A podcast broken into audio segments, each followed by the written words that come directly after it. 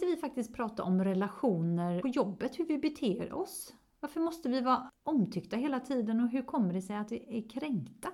Ja, eller i skolan eller bland vänner. Att det är lite sandlådenivå på Ja. saker och ting ibland. Att man får riktigt tänka efter. Hur är jag med mina jobbarkompisar? Säger jag vad jag tycker och tänker? Måste jag säga vad jag tycker och tänker hela tiden till alla för att man ska vara omtyckt eller känna sig sedd? Ja, man säger vuxenmobbing, Ja, som men- en del säger. Vad är det? Ja, vad är det för någonting? Alltså det är ju en känsla som man har själv, upplever jag, när, när man känner att man är utanför gänget till exempel. Och, och det vet vi ju det här med fika, hur viktigt det är när man kommer in ny på jobbet. Att man faktiskt är med på fika och man är på, med på luncherna för att lära känna. Att lära känna varandra och att vi känner en känsla att vi är utanför om inte någon inkluderar oss eller pratar med oss. Det har vi också pratat om innan, att liksom våga ta plats när man är ny. Men- Ja, ja men lite så här att men alltså att det är ens en benämning, alltså, eller ens var kanske var fel uttryckt, men att, att det är en benämning vuxenmobbing. För man tänker man jobbar mycket med det i skolan där mobbing kanske mer förekommer eller inom sport eller sådär. Och att man själv är vuxen sen och inte har lärt sig hur man ska hantera situationen eller hur man faktiskt ska bete sig. Jag tänker så här att var snäll och trevlig mot alla och välj vilka du vill lära känna och inte lära känna mer. Man behöver liksom inte vara BFF med alla sina arbetskollegor eller man kanske går i någon kör eller någon sport eller någonting utan man kan vara lite hej hej, trevlig, allmänt hyfs i alla fall, ge ett leende och säga hej tillbaka. Det är ofta så här stirra ner i marken, blir lite jobbigt, lite obehagligt och det kanske är det som man känner i utanförskapet då, kanske på en arbetsplats om man är den som alltid sitter och är själv. Men då kanske man inte är så inbjudande som person heller, att man har kanske en integritet eller att man märker att den här personen vill inte ha kontakt med andra. Så kan det ju vara. Så kan det vara. Och sen kan det också vara att man väntar på att man ska bli inbjuden. Lite tänker jag på när du pratar, att man väntar att någon annan först ska säga hej istället för att man själv Mm. säger hej först och tar lite kommandot. Visst, och sen finns det ju människor som är introverta och extroverta, man är mer blyg än andra. Men just det här att när man är vuxen så har man ändå förhoppningsvis lärt känna sig själv så pass mycket så att när man kommer in i en grupp, oavsett vad, även vänskapsgrupp, att man på något sätt liksom tar plats och om man upplever att man är då mobbad eller så, att man faktiskt tar tag i det och pratar om det. Att jag har den här upplevelsen nu att jag känner så här att när jag kommer in så tystnar ni och ni vänder mig i ryggen eller ni reser er och går när jag går. Hur kommer detta sig? Och där kan jag också se lite det här med vuxenansvar. När en person säger detta och faktiskt tar tag i det, hur reagerar mottagarna eller mottagaren? Att liksom skoja bort det eller att inte säga då att nej men det är så här att vi upplever att du, eller jag upplever att du sa så här och så här och jag blev arg på dig. Eller så att, att man börjar liksom diskutera med varandra istället. På ett vuxet sätt tänker jag då. Att, att man har faktiskt kommit dit att man är vuxen, tar upp det, att det är jobbigt. För det, man fattar ju inte det när man är barn. Att ta upp det kanske. Eller ja, vissa unga kan ju vara lite så frispråkiga. Men att, och, och sen kunna säga, liksom, prata med den andra. Men jag tror många säger nej men det är bra, nej men det är ingenting. Och så den här falsettgrejen som de ska gå upp i. Det tror jag. Eller om man känner att personen i fråga som inte är inkluderad kanske är ja, men, eh, introvert. Men man kan ju vara liksom introvert med extroverta eh, påverkan också. Men att man kanske inte man kanske bara vill gå till sitt jobb och göra sitt och så blir det så att den här personen ska vi inte lära känna. Och så kanske den här personen sitter och väntar på inbjudan. Men varför kan inte den personen bjuda till och vara lite vuxen då? Måste det alltid vara någon annan som håller på och krattar manegen och, och servar och, och fixar när man själv känner att Fan vad kul det hade varit att bli medfrågad till den här AWn eller vara med i vinlotteriet eller vad det är. Varför ska alla andra ta ansvar för att inkludera alla? Varför kan man inte försöka inkludera sig själv? Det är en jättebra fråga.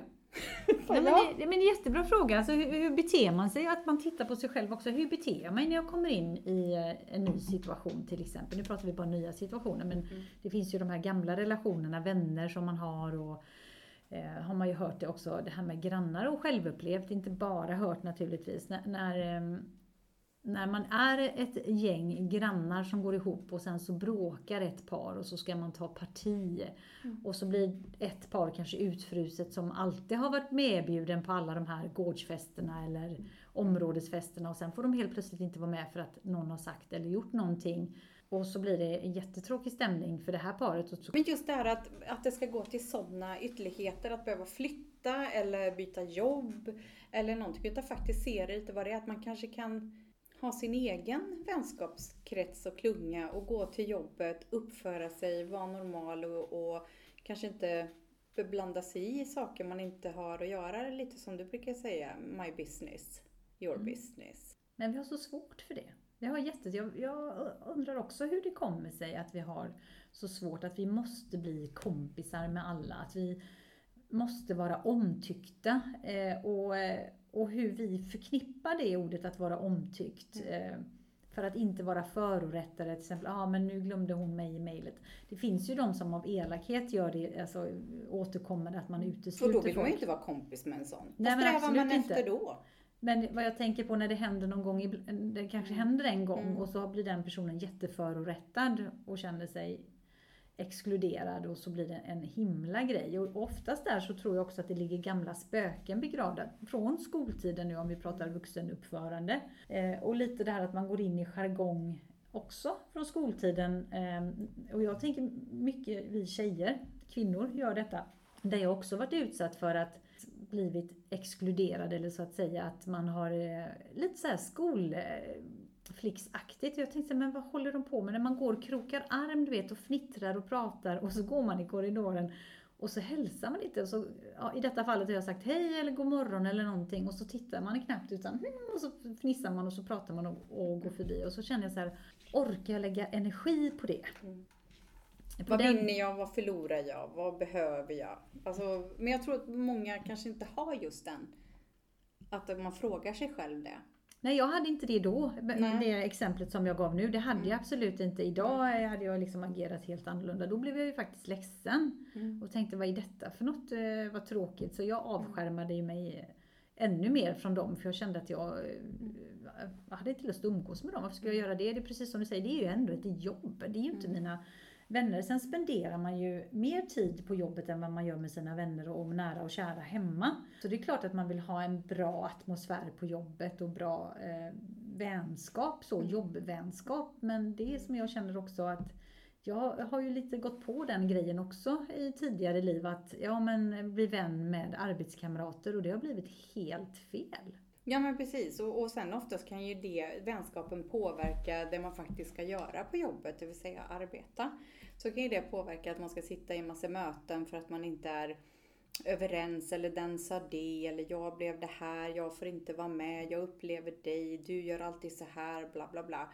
Att, att kanske lämna liksom att man ska jobba, nu menar inte jag att man ska lägga locket på ifall det är någonting som är fruktansvärt, men jag tror liksom är, är det pick your fight? Lite den eh, mentaliteten. Att vissa saker kanske man kan borsta av sig. Ja, och då tänker jag, när du pratar så, så tänker jag vi har väldigt svårt att skilja på privat och professionellt. Så när Mm. vi blir vänner med arbetskamrater, skulle någon av de här arbetskamraterna eller vänner bli en chef över dig, du är inte nådig. Eller den Mm. klungan vänner så kallade som var förut, är ju inte nådiga mot den Nej. personen. Och det är därför man inte ska ha chefer över sina tidigare kollegor, utan man ska ju flytta den personen till en annan avdelning. Precis, ja, den, det var en av mina ja, men, riktiga längre jobb om man säger så när jag var ung. Då blev jag ju chef över mina gamla kollegor. Och Vad hände då? Nej men det var den här liksom att, ja, men det kan, kan inte du göra det? För man visste inte riktigt hur man skulle säga ifrån. Jag var jätteglad att jag hade liksom blivit befordrad och skulle ta ansvar och göra mer saker och ville göra det by the book och kände att gud vilken rolig utveckling och sådär. Och tänkte att vi är ju så goda vänner och kan umgås och, och göra saker och ting privat och sådär. Så jag bara, nej men då kan du ta det här till soprummet. Kan väl du göra du som har tid nu? Bla bla bla. Liksom Du som är chef, ska vi sätta dig på plats? Ja men lite Ja. så. Och då hade jag verkligen inte det köttet på benet att, att kunna liksom säga ifrån. Så det lärde mig extremt mycket. Alltså de här nybörjar-rookie-misstagen. Och jag upplever också att många chefer idag är väldigt konflikträdda. Det är nästan så att 90% sitter och, och tänker så här att shit, undrar när jag blir påkommen av att jag inte klarar av det här. Fake it until you make it. Väldigt få som tar tag i saker och ting eller duckar lite eller tycker att det blir lite obekvämt och kanske gör det bara för att göra det men förstår inte själva syftet i det hela. Det upplever jag. Ja, men det, det tror jag att det har jättemycket med det här med att man vill vara omtyckt. Man Mm. vill inte vara utesluten ur gruppen. Men där måste man ju ändå lära sig att är man chef eller ledare så har man ju mer mandat än gruppen. Och det blir väldigt konstigt då om det sker en konflikt och man inte går in som Mm. chef eller ledare och hjälper eller stöttar sina medarbetare till att faktiskt lösa vad det nu än är för någonting. Mm. För att man, man är så rädd att man själv då blir den eh, elaka.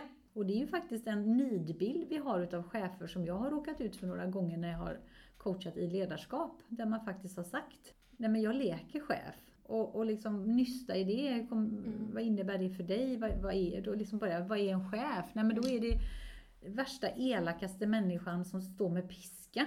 Alltså vi har en jättekonstig bild av Mm. chefskapet. Och då har vi ju tittat på filmer och vilka är Mm. alltid elaka? Det är chefer. Mm. Och, Devils wear Prada. ja men precis. Och det finns ju sådana. Alltså Mm. de finns ju där ute också men majoriteten behöver ju lite stöttning. Och, 90% vågar inte leda. nej. 10% är Devils wear Prada. Ja men Man kan väl precis. hitta någon, eh, någon liten mix där. Men jag tänker så att det ska behöva gå så långt när man är en vuxen människa, är på en arbetsplats där man ska arbeta, där konflikter ska ta en del utav arbetstiden så att ens chef blir inblandad. Tänk på den lite. Mm. Den tycker jag är väldigt intressant. Att man känner att fan vad pinsamt hade jag tyckt. Att behöva gå, om inte jag kommer överens med någon, att behöva sätta sig med min chef. Men det förstår jag. För det, Nu nej, tänkte det, vi. Nu tänkte vi till båda två. Nej men det är ju det. Och Mm. om man tänker så här, men det här är vuxna människor. Alltså vi är ju vuxna människor på en arbetsplats. Jag blev Och sårad, punkt. Ja. Och gör inte om det igen är du snäll. Nej. Och men det är så svårt att komma dit, att Ja. säga det. För att det är ju så här återigen, aha, hur ska mottagaren reagera? Har vi Men måste man ta ansvar för det? Nej, det, nej, men det är ju det vi gör. Men vi behöver ju inte ta ansvar för det. Utan vi behöver ju bara ta ansvar för oss själva. Och sen är det ju också så att vi, alltså 90% av hjärnan, vi inbillar oss massa saker. Mm. För att någon tittade lite snett eller någon sa någonting med någon ton. Eller, Mm. Och så hittar vi på massa historier i huvudet som inte är sanna om vi inte ställer frågan. Jag brukar, och det är samma sak om, eh, man brukar säga till någon, "Ja, men, men ring det samtalet. Nej men det kan jag inte göra för den personen kommer säga så här och så här och så här. Ja men om den inte gör det, nej men då kommer den säga så här och så här och så här. Och så spenderar man flera timmar, ibland Mm. dagar, veckor på att hitta på saker som en annan person kommer att säga när man säger någonting. Eventuellt. Ja men Eventuellt. precis. Ja. Och sen, om det, så när man väl säger det, och det kan du Mm. tänka tillbaka Mm. också, att Mm. när man väl har liksom tagit de här tjuren i hornen eller man har ringt eller man har sagt liksom att Nej men du, eh, jag upplevde det här, jag tyckte inte det var okej, hur tänkte du nu liksom? Och då ser de oftast ut som fågeltolkar och bara, nej men det var ju inte meningen. Oj, förlåt liksom, det, det tänkte jag inte på. Utan jag tänkte ju så här ur mitt håll liksom att, eller, nej men jag hade precis pratat med min man och, och jag blev jättearg på honom. Och jag är ledsen att, Mm. att du fick den energin, för det var ju inte meningen, för du är min arbetskamrat. Alltså det är mycket sådana grejer som man inte tar reda på. Precis, och frågan är då, den då som tar upp det, kan den släppa det då när den har hört det? Nej, då ska den personen kanske gå kvar och vara lite småtjurig ändå på den här personen som har gett en, en bra förklaring. Men man accepterar den kanske inte.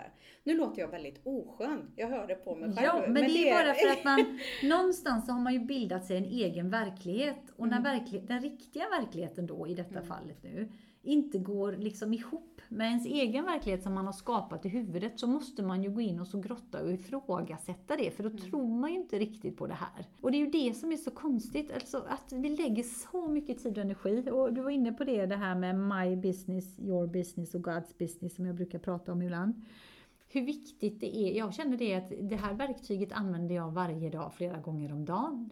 Ja men Liksom. exakt, för det är så många gånger om dagen man kan hamna i de här Ja.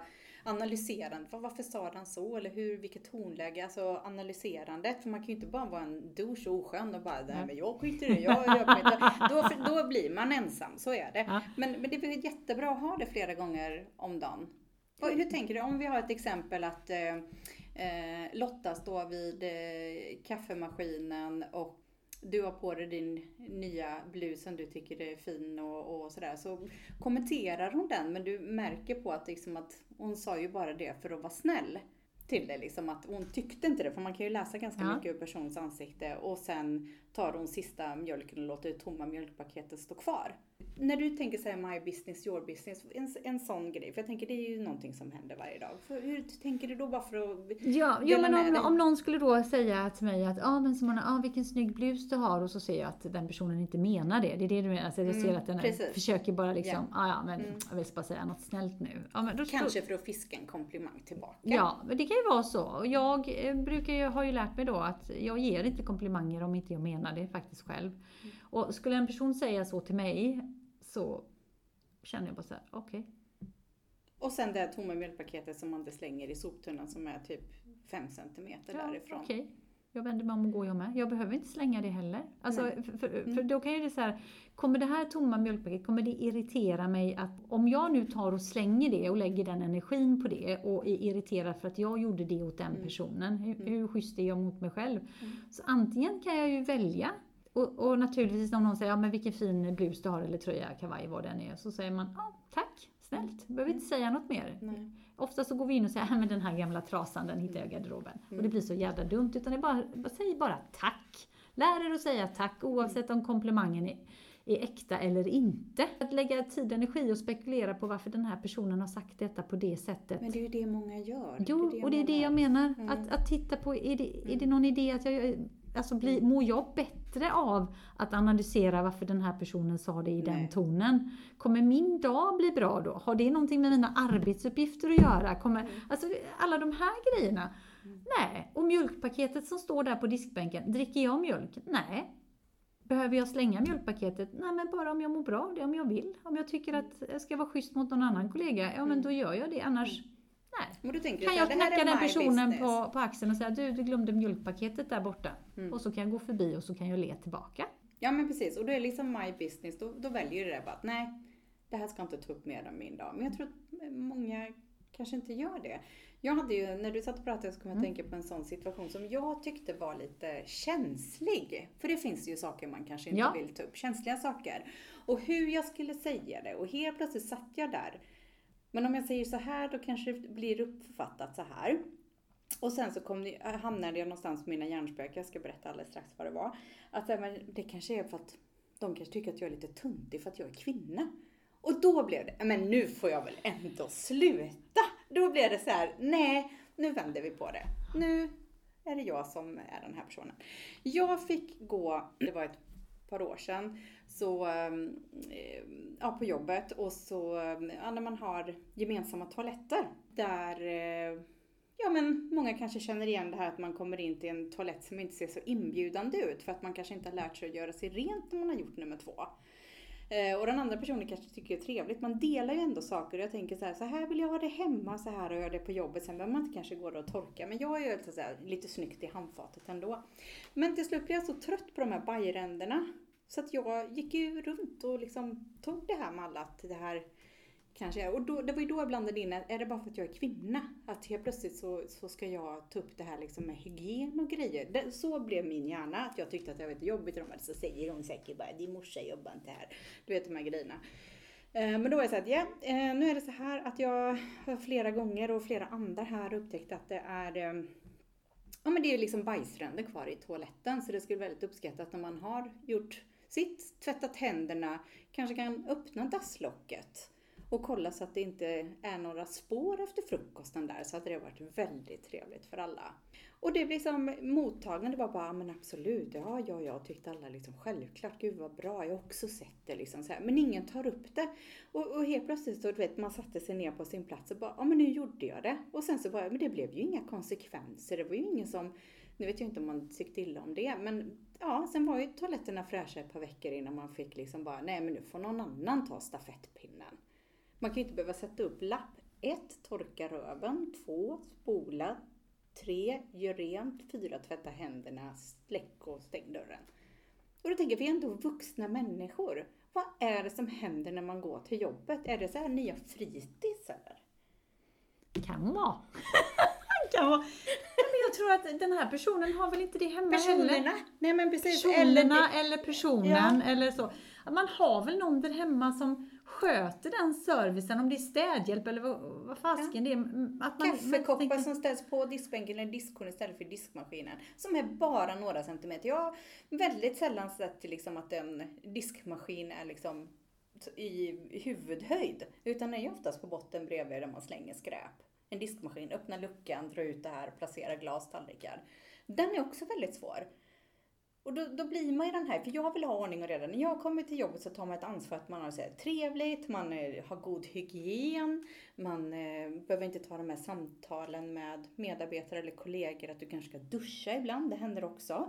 Eh, och, eh, för, för det är jäkligt känsligt, men oftast så uppskattar ju personer som kanske inte luktar så gott i hygienet, att man bra att du sa det, jag kanske ska tvätta lite oftare eller ta en dusch liksom, eller vad det är. Men, men det här att man måste våga göra de här grejerna, för jag, ja, jag vill inte låta oskön. Jag Nej, men jag tycker i detta fallet nu, om det nu skulle råka vara så, om det är flera personer, fine, men om det nu råkar vara så att man råkar gå efter någon som det alltid är så efter. Ja, Jag hade tagit in den personen i ett rum och sagt så här, ursäkta mig, ja, vi hade ju ett veckomöte för några månader sedan och så, och så påpekade jag det här. Och jag har faktiskt märkt, jag råkar faktiskt gå in på toaletten direkt efter dig varje gång. Hur kommer det sig att, alltså, att du inte städar efter dig? mm. Och man kan ju säga det på en vänlig ton, liksom, men lite förvånande. Liksom, hur kommer ja men det sig? det menar, det är ju Och- jobbigt för förmedlaren också. Ja men det är jobbigt för förmedlaren men, men det blir ju att den personen kommer ju tänka till lite mer eh, när den kommer gå in på toaletten. För Ja, att vad du har gjort nu då det är, det är att du, ändå, du har ju konfronterat personen och sagt jag ser dig. Mm. Jag ser, jag ser ju att det är du, ja jag ser Mm. dig. Eh, och inte ta upp det i grupp. För det är ju så att när man tar upp det i grupp så första gången som du gjorde här nu då. Mm. Nu säger inte jag att det är en person för det kan ju vara flera, jag vet ju inte. Men då blir man ju anonym. Och så länge man är anonym Mm. så är det ju ingen som vet om att det är jag. Så det Nej. spelar ju ingen roll. Och, och det lustiga är med de här personerna som det oftast berör, om det är flera eller en, Mm. så de ten, en tendens att på de här viktiga mötena så dyker de aldrig upp när man ska förmedla ett budskap. Och på något konstigt sätt när man förmedlar budskapet så har de teflonhjärna. Alltså Mm. allting bara rinner av. De förstår inte att det gäller dem. Nej. Och då får man ibland faktiskt gå fram och säga att ursäkta mig, jag hoppas inte du tar illa upp men det här, ja, det här har jag upptäckt och städa efter dig. Liksom. Det- är inte någon förskola eller vi har ingen eh, städpersonal här i våra lokaler men är det någonting som vi kanske skulle fundera på då får vi höja hyran. Mm. Ja men precis. Alltså, man- man får liksom-. Eh, Berätta liksom att vi kan åtgärda det men, men om, om, liksom, så här ser det Mm. ut. Eh, och det kan ju man tycka så här nu när man lyssnar så här, men det där är väl ändå en petitess. Men det är det inte när man lever i det ständigt och precis som det här din mamma jobbar, Jobbar inte inte här här. och alla de här lapparna som du säger att Mm.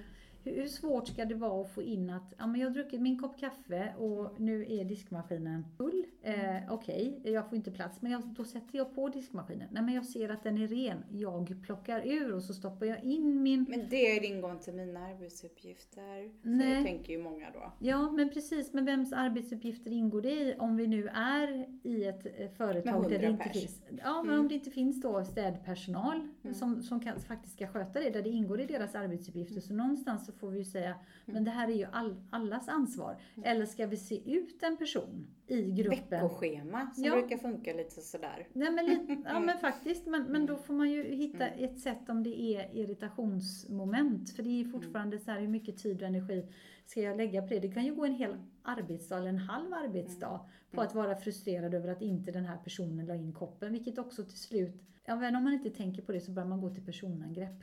Man börjar tycka illa om Man börjar tycka personen. illa om personen, Mm. Eh, man hittar på massa saker om personen, man ser minsta lilla sak som den personen gör blir ett irritationsmoment och till slut så är man den här mobbaren utan att inse att man är en mobbare själv. Mm. Och den här personen förstår ju ingenting. Mm. För den, den har ju egentligen bara från början inte stoppat ner sin kopp i diskmaskinen och förstår inte för det var väl inte så farligt. Nej, för det behöver man kanske inte göra hemma. Nej men så är det, man är ju sin egen arbetsmiljö Mm. hela dagen, precis som alla andra. Och har man liksom lite förhållningssätt på, på sin arbetsplats så, så tror jag nog att man kommer undvika det och kanske våga prata på om månadsmöten eller veckomöten om just det här liksom med sammanhållning, kontorshälsan, hur mår vi, hur gör vi, liksom ha lite policy för det utan att man ska behöva skriva upp saker. Ungefär som håll avstånd som det var under pandemin. Bara, var snäll, var trevlig ja, vad har vi för värderingar Mm. i, i bolaget och, och hur ska vi behandla varandra, våra kollegor. Och det är bara så här att vi kan inte vara omtyckta utav alla Nej. och det är fine. Men man ska bete sig. Alltså man säger god morgon, man säger hej då. Mm. Eh, Vi behöver inte vara bästisar, vi behöver inte sitta och chitchatta under lunchen. Men när vi sitter i en grupp, nej men då är alla inkluderade och pratar och man lyssnar på alla. Det är inte så att när den personen pratar så himlar man med ögonen och suckar eller börjar prata med någon annan. Mm. För då är man ju den här personen som är en mobbare i skolan. Jag tycker att man ska bära det ansvaret själv och lite som du var inne på i början här Katrina. Att liksom, hur kommer det sig att allt sunt förnuft bara rinner ur hjärnan när, vill jag säga då, i min tolkning, när känslorna går på när vi blir irriterade på en person, för nu vänder jag på det. Och så, så utsätter vi den här personen återigen för massa konstiga saker som vi tror att den personen tänker om mig. Och, Ja men precis, man vet ju inte vad han haft för morgon som du var inne på. Man vet inte vad han haft för samtal innan eller har något jobbigt framför sig i eftermiddag eller går och funderar på saker. Liksom att gå till sig själv. Har, har jag sagt god morgon och hej? Börja där ifall man tycker att någon annan inte är, är jag inbjudande? Ser det så här när någon kommer förbi att jag inte ser grinig ut och stirrar ner i datorn utan jag lyfter och bara hallå, det var helgen. Jättebra inledningsfras om det är en måndag.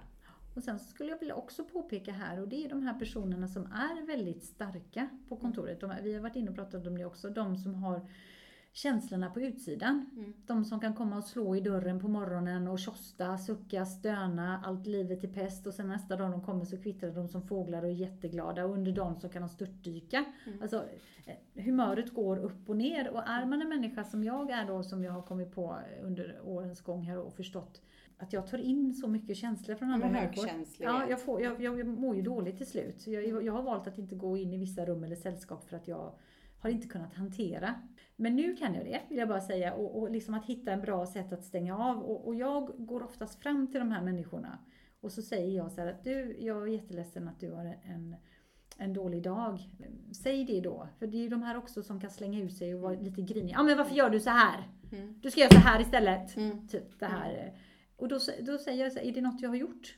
Är du, är du arg på mig? Alltså, Mm. Är det någonting som du känner, nej nej, utan det hände det här hemma och så, vad bra. Kan inte du säga det med en gång när du kommer in så behöver inte jag fundera på vad det är som, som jag har gjort. För då förstår jag att det inte är någonting. Och den dagen det är någonting som jag har gjort, eller som jag upplever att du, som nu när jag tar upp det här också, att vi har den ärligheten, vi pratar till varandra, vi pratar inte om varandra runt Nej, eller omkring. hitta på att den Eller hitta- kanske säger så. Nej men gör precis, utan vi pratar Mm. till varandra. Att du Simona, jag tycker det här eller jag upplevde det här. Vad bra, så löser vi det med en gång. Så gå inte runt och prata. Och, och, och liksom, för det, det blir inte bra. Och på så sätt så har jag också lärt mig att hantera den här högkänsligheten. Och där kommer ju också det här med My Business in väldigt mycket. Och jag fick faktiskt en feedback, man gör ju de här testerna innan man man eh, gör jobb, så här personlighetstester och man säger att man har en grundpersonlighet som inte ändras.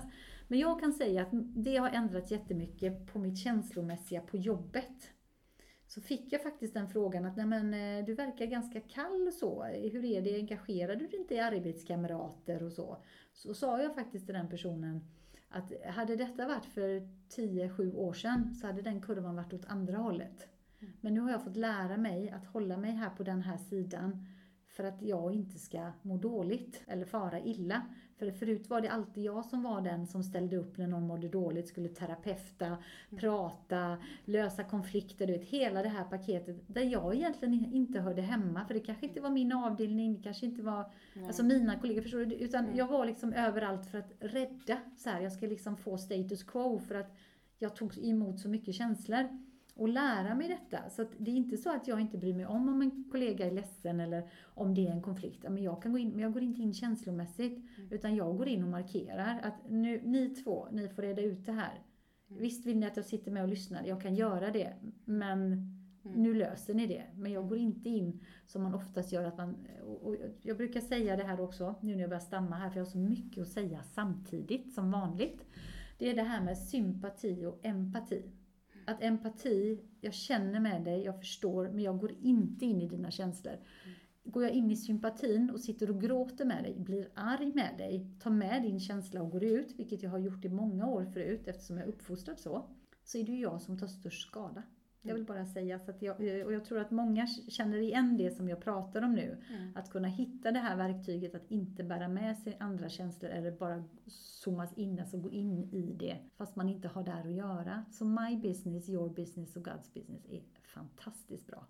Och, och ni som inte vet vad God's Business är, det är yttre påverkan, eh, det kan vara pandemin, det kan vara konjunkturen som är nu, alltså krig och så. Vi kan inte påverka, men vi kan förhålla oss till det. Och det är samma sak i ett arbetslag, vänskapskretsar, i familjerelationer, konstellationer. För eh, blodsfamilj har man ju inte valt själv, de har man bara fått på köpet för man har fötts in i en familj liksom. Och your business, det är någon annans. Och det är någon annan som ska lösa. Och jag brukar ha, om man, man är visuell, så brukar jag alltid säga kasta tillbaka bollen. Äger du bollen? Nej, jag äger inte bollen. Nej, men vad bra, kasta tillbaka bollen då till personen som äger den. Mm. Så får den, den personen sticka hål i bollen, göra vad den vill, jonglera. Men det är inte dina. Nej, och du kan ju inte ta ansvar, eller man kan inte ta ansvar för hur den hanterade sig, för den- den kanske behöver göra det. Det är så himla viktigt, tycker jag, att man tar den här eh, stunden, precis som allting vi har pratat om, att är det här någonting som gör mig jätteupprörd, som kommer påverka jättemycket? Hur har jag själv betett mig utåt innan man kan säga någonting? Att man är sin egen arbetsmiljö, att man inte kan gå in i allting, att alla är vi olika. Vi är satta på det här arbetsplatsen eller vad det nu kan vara för att vi ska liksom arbeta och allt annat runt omkring. Liksom, är det här viktigt? Är det här någonting jag behöver för att jag mår så jäkla dåligt så att jag inte kan gå till jobbet? Då kanske man ska ta en vända själv först. Nu menar jag att man inte ska ta upp någonting men ta en djupare fundering på det. Tack för att du har lyssnat på oss här idag och vi hoppas att du vill lyssna på nästa avsnitt. Vi tar jättegärna emot feedback, eh, frågor, funderingar, tankar från dig som har lyssnat och då får du jättegärna mejla till katrin och simona.gmail.com och följ oss jättegärna på Instagram under, Instagram under samma namn, Katrin och Simona. Hejdå!